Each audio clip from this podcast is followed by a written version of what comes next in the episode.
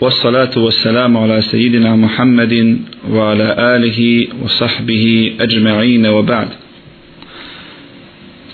الله سبحانه وتعالى كاج القرآن الكريم وما خلقت الجن والإنس إلا ليعبدون جن اليود سمستوريو سمد من ربيو Allah subhanahu wa ta'ala nije ostavio čovjeka da luta i da sam traži put koji će ga dovesti do njegovog gospodara, nego je iz svoje milosti ljudima poslao svog posljednjeg poslanika Muhameda sallallahu alaihi wa sallame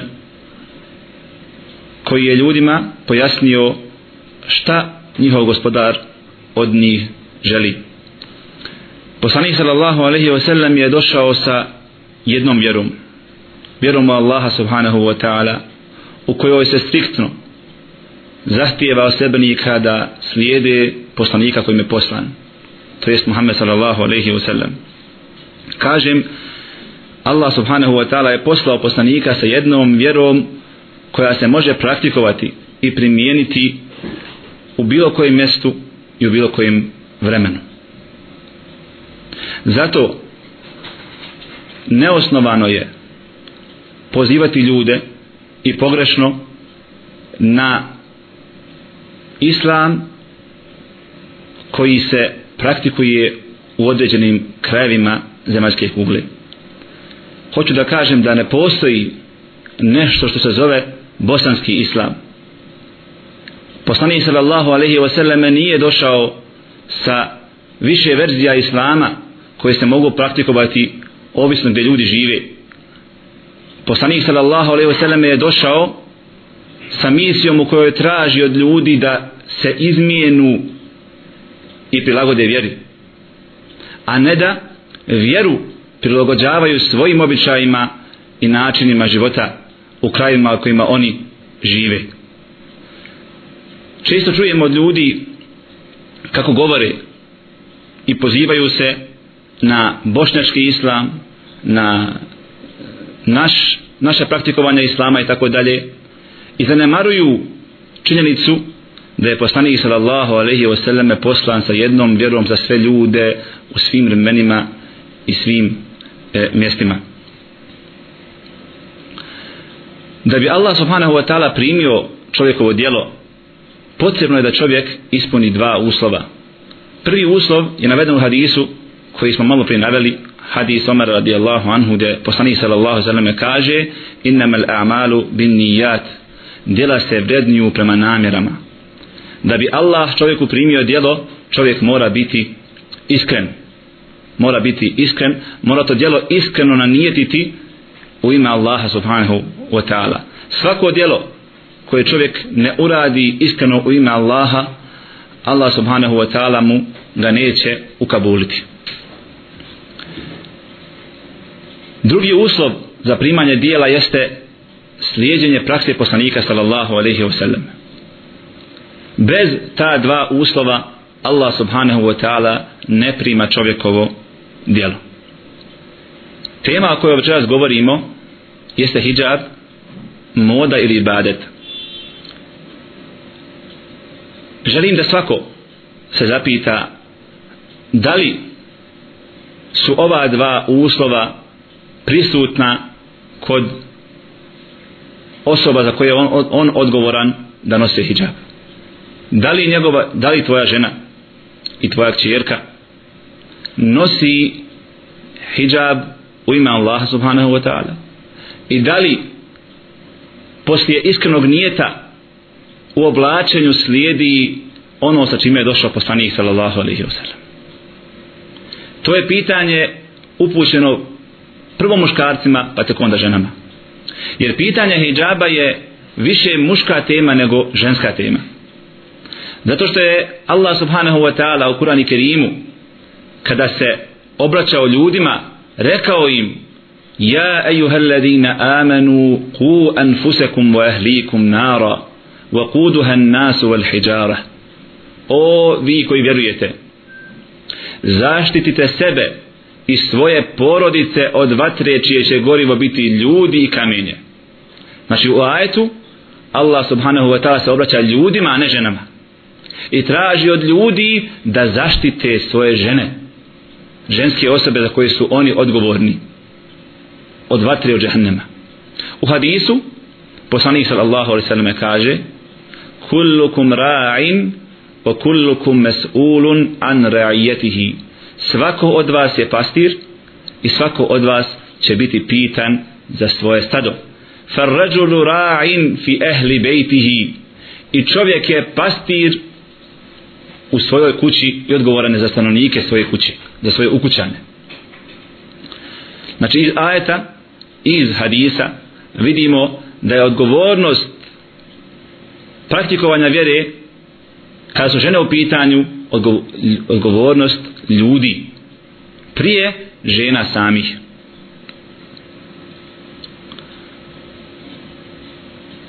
Islamska ulema kada je govorila o hijabu navela je određene šartove koji ako se ne ispune hijab nije ispravan i nije šarijetski izučavajući hadisa poslanika sallallahu alaihi wasallam učenjaci su došli do zaključka da hijab, islamski hijab ima osam šartova koje osoba koja nosi hijab treba da ispuni da bi njen hijab bio šerijetski. Kod nas ne samo da ljudi ne poznaju tih osam šartova da ih ima osam ne znaju ni jedan od njih. Zato nisu u stanju da spriječe svoje čerke i svoje žene ako se obuku pogrešno. Nisu u stanju da ih upute da im pojasne gdje greše jer oni sami ne znaju gdje je greška. Prvi šart islamskog hijjaba jeste pokrivanje cijelog tijela. Pokrivanje cijelog tijela. U ovom šartu islamski učenjaci su se različili na dva mišljenja. Neki kažu da je žena dužna da pokrije i lice i ruke. Drugi dio učenjaka kaže da, je, da ne mora da pokrije ni lice ni ruke. To nije naša tema večeras. Nama je bitno da žena koja nosi hijab pokrije ostatak svog tijela. A ta mesela u kojoj, se, u kojoj su se učenjaci razišli nije nam trenutno toliko bitna. Zašto je ovaj šart bitan? Možemo shvatiti kada čovjek prođe ulicom i pogleda naše sestre muslimanke kako su pokrivene. Može primijetiti da žena da ima žena koje ne pokriju čitavo svoje tijelo. Danas neke žene modiraju hijab. Prave od hijaba modu. I u njega unose zadnje krike zapadnog stila i oblačenja što je vrlo opasno. Jer kada shvatimo da je hijab ibadet koji je Allah subhanahu wa ta'ala preko svog poslanika propisao ljudima onda ćemo shvatiti da ne možemo raditi od ibadeta što mi želimo. Kao što ne može neko u namazu uvoditi što hoće ne može se ni u hijabu uvoditi što, šta čovjek poželi. Ako želi vjernik da ispuni ono što njegov gospodar traži od njega onda treba da slijedi poslanika sallallahu alaihi wa sallam. Ono u što nema sumnje je da islamski učenjaci kada e, kažu da je nešto uslov za određen ibadet onda na to navedu dokaz ili iz Kur'ana ili iz suneta poslanika sallallahu alaihi sallam. To će biti i naša praksa večeras.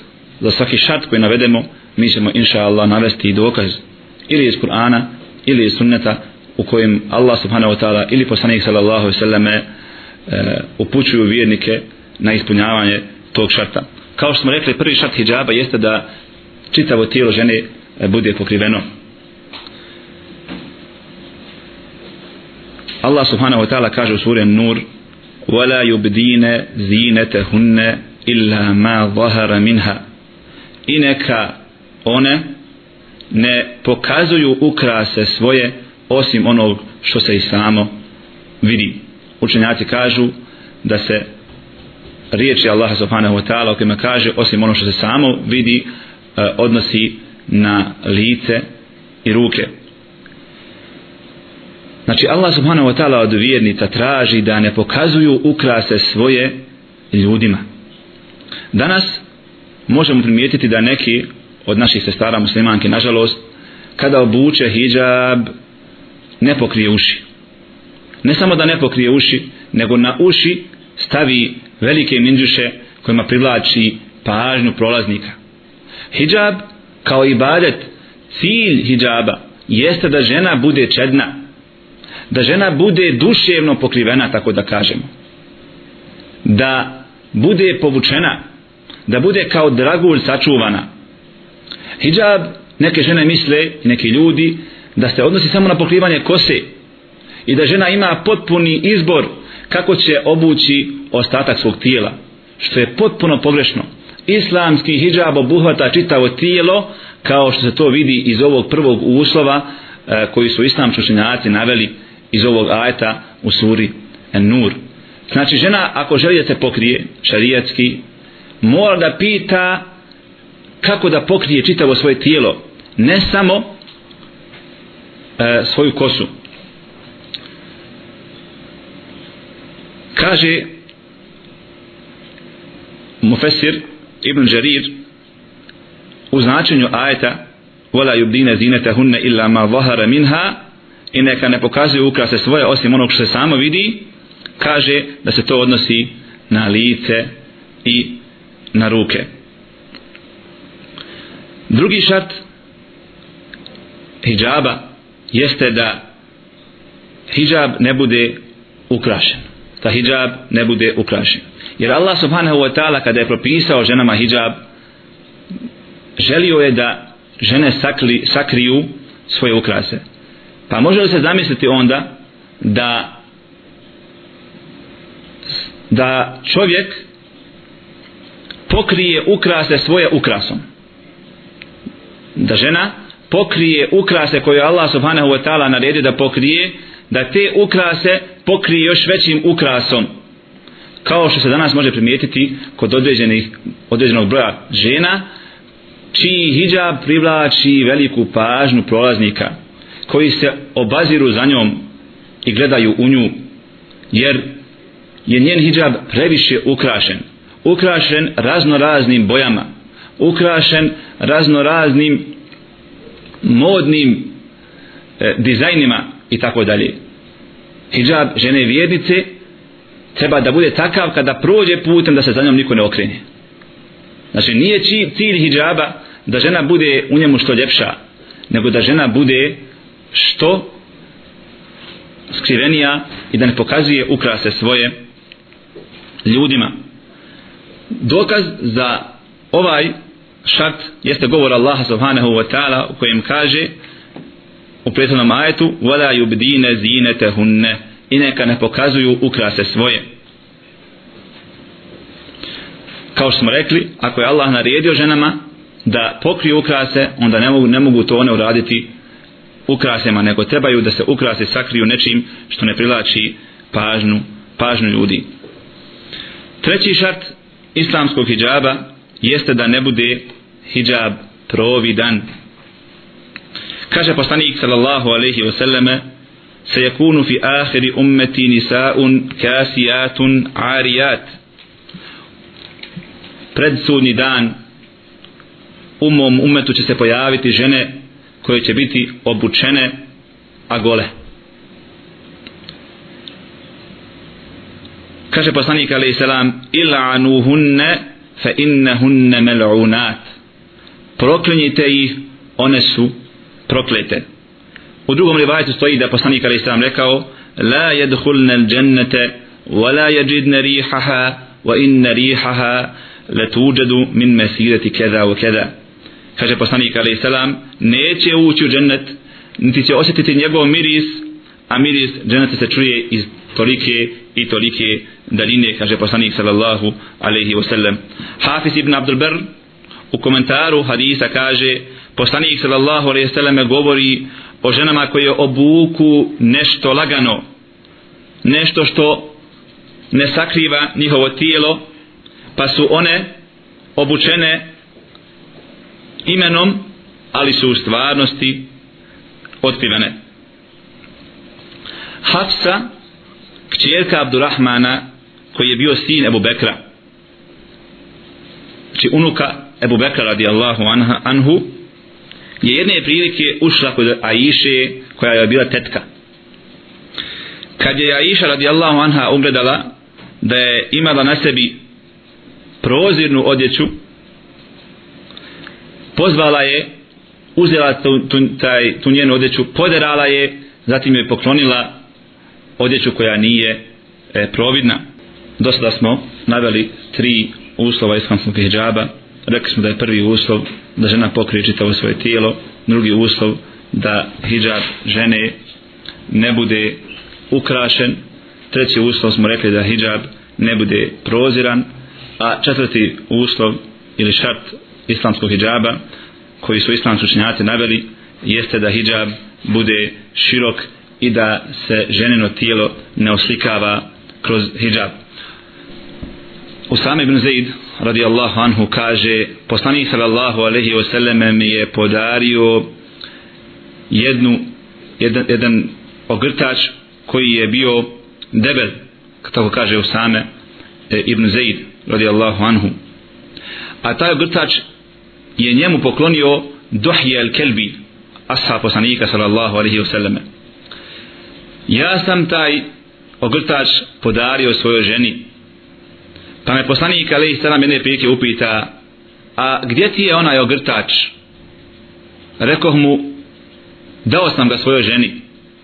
Reče poslanik Ali Salam naredio da ispod hijjaba da ispod njega, ispod ogrtača obuče još nešto. Ja se bojim da se njeno tijelo ne odslika ovaj događaj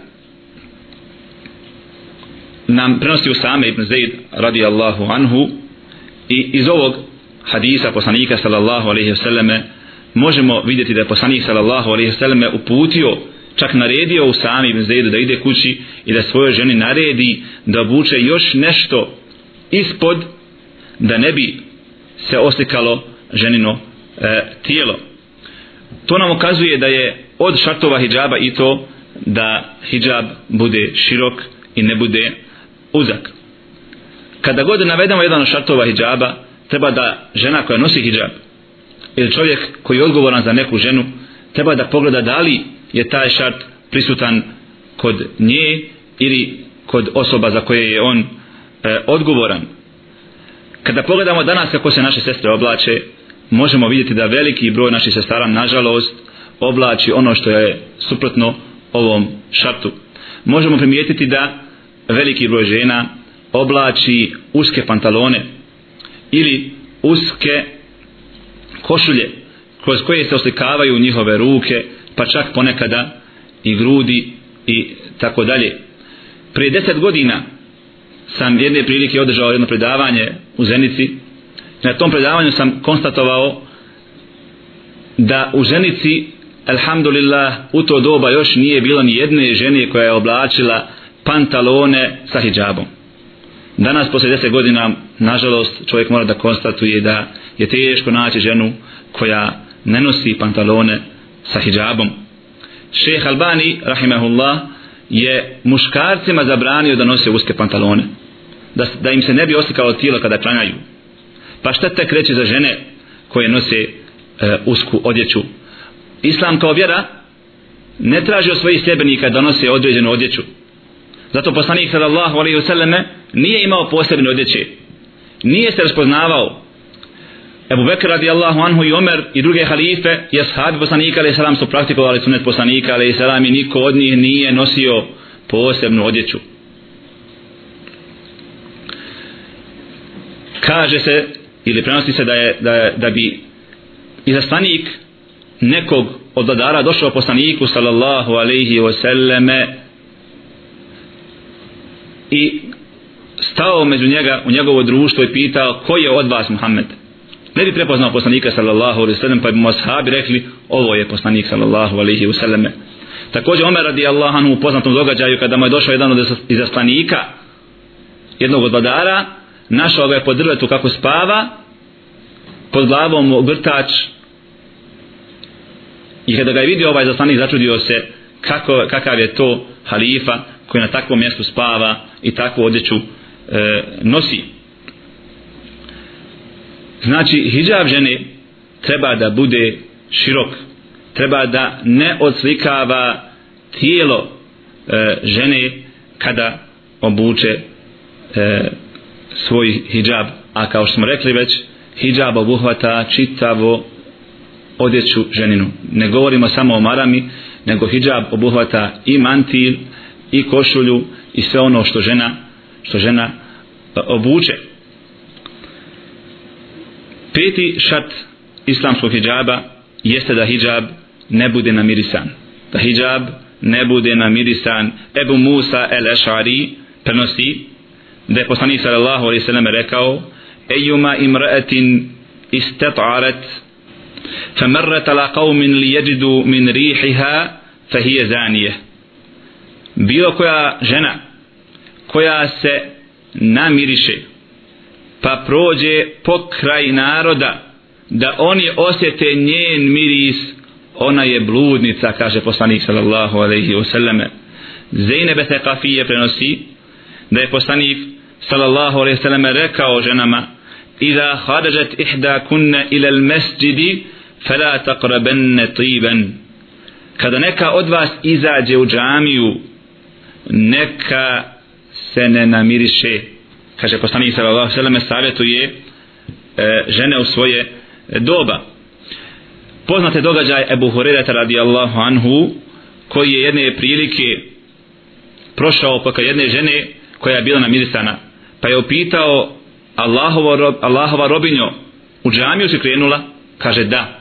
Kaže vrati se kući. Ja sam čuo poslanika i salam koji kaže bilo koja žena koja se namiriše neće namaz biti priznat dok se ne vrati kući i ne okupa se. Šta te kreći za one žene djevojke koje ne da se namirišu pa idu u džamiju radi džamije nego se naparfemišu radi noćnih izlazaka radi teferića okupljanja sa muškarcima i tako dalje. Nema sumnje da je to još još veći haram još veće udaljavanje od upute poslanika sallallahu alaihi wasallame. Šesti šart islamskog hijjaba jeste da odjeća žene ne sliči odjeći muškaraca. Da odjeća žene ne sliči odjeći muškaraca. Ebu Hurere radijallahu anhu prenosi da je poslanik sallallahu alaihi wasallame prokleo čovjeka koji oblači žensku odjeću i prokleo ženu koja oblači mušku odjeću. Ibn Omer radijallahu anhu prenosi da je poslanik sallallahu alaihi sallam rekao lejse minna men tešebbehe bir riđali minan nisai wala men tešebbehe bin nisai minar riđal nije od nas ona žena koja, se, koja bude oponašala muškarce niti je od nas onaj muškarac koji bude oponašao žene. Imam Ezehebi kaže da je oponašanje žena muškarce ili muškaraca žena veliki grije i naveo je to u svojoj knjizi El Kebair ili veliki veliki e, grijesi. Također kažem kada navedemo ovaj šart kada pogledamo na naše ulice možemo primijetiti da mnoge naše sestre ne poznaju da griješe. Ne poznaju šarijetske propise i ne znaju da griješe jer oblačenje pantalona uskih pantalona džinsa sa maramom nije u skladu sa šarijetom. Prvo te pantalone nisu široke oslikavaju žensko tijelo. Drugo to je muška odjeća koju žena e, oblači. Sedmi šart ili pretpostavni šart islamskog hijjaba jeste da hijjab ili odjeća žene muslimanke ne sliči odjeći nevjernica. U našoj vjeri imamo jedno opšte pravilo u kojem se zabranjuje oponašanje nevjernika uopšte u bilo čemu. Poslanik sallallahu alaihi wa sallam je naveo desetine hadisa u kojima zabranjuje muslimanima da oponašaju nevjernike u namazu, u postu, u hađu, u, nač, na, na, u načinu oblačenja u načinu jela i mnogim drugim stvarima. Poslanik sallallahu alejhi ve selleme je uvijek nastojao da se razlikuje od židova i kršćana i nevjernika kaže poslanik sallallahu alejhi ve selleme khaliful jehude fa innahum la yusalluna fi ni'alihim wala khifafihim. Kaže poslanik alejhi selam razlikujte se od židova. Oni ne, ne klanjaju u svojoj obući niti u mestrama Ummu Seleme radi Allahu anha prenosi da je poslanik alejhi selam postio subotu i nedelju više nego što je postio ostale dane i govorio bi poslanik alejhi selam innahuma yawma eidil mushrikin to su dva dana dva praznika mnogobožaca wa ana uhibbu an ukhalifahum. A ja volim da se od njih razlikujem govorio poslanik sallallahu alejhi ve selleme kada pogledamo danas možemo primijetiti da nažalost naše, še, naše sestre naše kćerke ne samo da su napustile islamsku šarijatsku nošnju nego oponašaju nevjernike onome što je najgore u oblačenju. Danas je teško raspoznati muslimanku i nemuslimanku na putu. Prije se znalo ko je musliman ako ne. Danas je razlika ostala samo u imenima. Prije se znalo da je žena muslimanka dragulj koji je teško dobiti i teško naći a danas nažalost veliki broj naših sestara su postali obično kamenje na putu i izgubili su tu vrijednost koju im je, koju im je Allah subhanahu wa ta'ala podario sa hijabom sa islamskim načinom odjevanja. Naše mlađe generacije žude da oponašaju zapadne pevače i pevačice i da na sebe obuku ono što oni obuku pa makar to bilo u suprotnosti sa našom vjerom u suprotnosti sa šarijetom sa naredbama Allaha gospodara svjetova i poslanika sallallahu alaihi wasallame još bolnije od svega toga je što nekada možemo naći i naše kćerke, kćerke naših džematlija koji nisu odgojili svoju djecu, svoje kćerke pa se nisu pokrile. Čak sam čuo da u nas u Bosni postoji i nekih efendija čije žene nisu pokrivene ili čjerke nisu pokrivene, što je nažalost žalostna stvar, žalostna stvar da ti ugledni ljudi koji treba da predvode naš narod pokazuju kako treba da se krše zakoni Allaha subhanahu wa ta'ala na ovim prostorima. I posljednji šart islamskog načina odjevanja jeste da islamski hijab ne, ili odjeća žene muslimanke ne bude odjeća upadna. Ne bude upadna odjeća.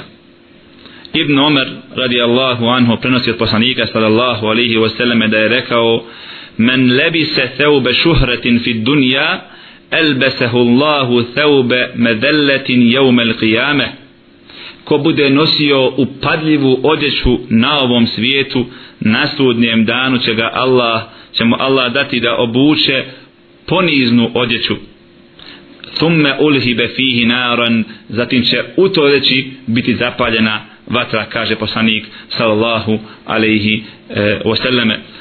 Kao sam rekao tokom predavanja poslanika alaihi salam nije imao posebne odjeće niti njegovi ashabi nije se razlikovao od ljudi nije se mogao prepoznati na ulicama Medine da li je to poslanik ili neko drugi od ashaba poslanika sallallahu alaihi e, wasallame.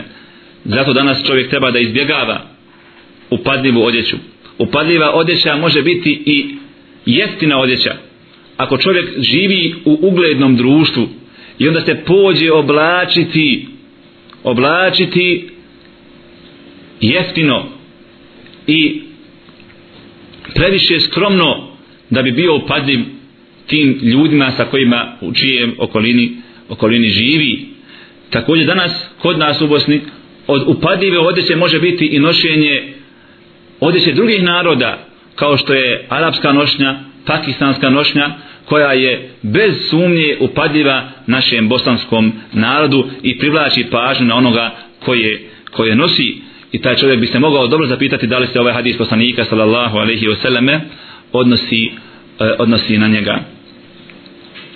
Također žena eh, muslimanka treba da se zapita da li odeća koju nosim je Allaha radi da li želim sela pod Allaha ili sam se pokrila što moram pa želim a želim da izgledam moderno u trendu pa sve ono što ne godi meni ja prilagođavam sistemu zemlje u kojoj, u kojoj živim molim Allah subhanahu wa ta'ala da nas okoristi sa onim što smo čuli da popravi naše stanje da naše sestre muslimanke nauče ono što Allah od njih traži i to u životu praktično primjene أقول قولي هذا وأستغفر الله لي ولكم. سبحانك اللهم وبحمدك أشهد أن لا إله إلا أنت أستغفرك وأتوب إليك. والسلام عليكم ورحمة الله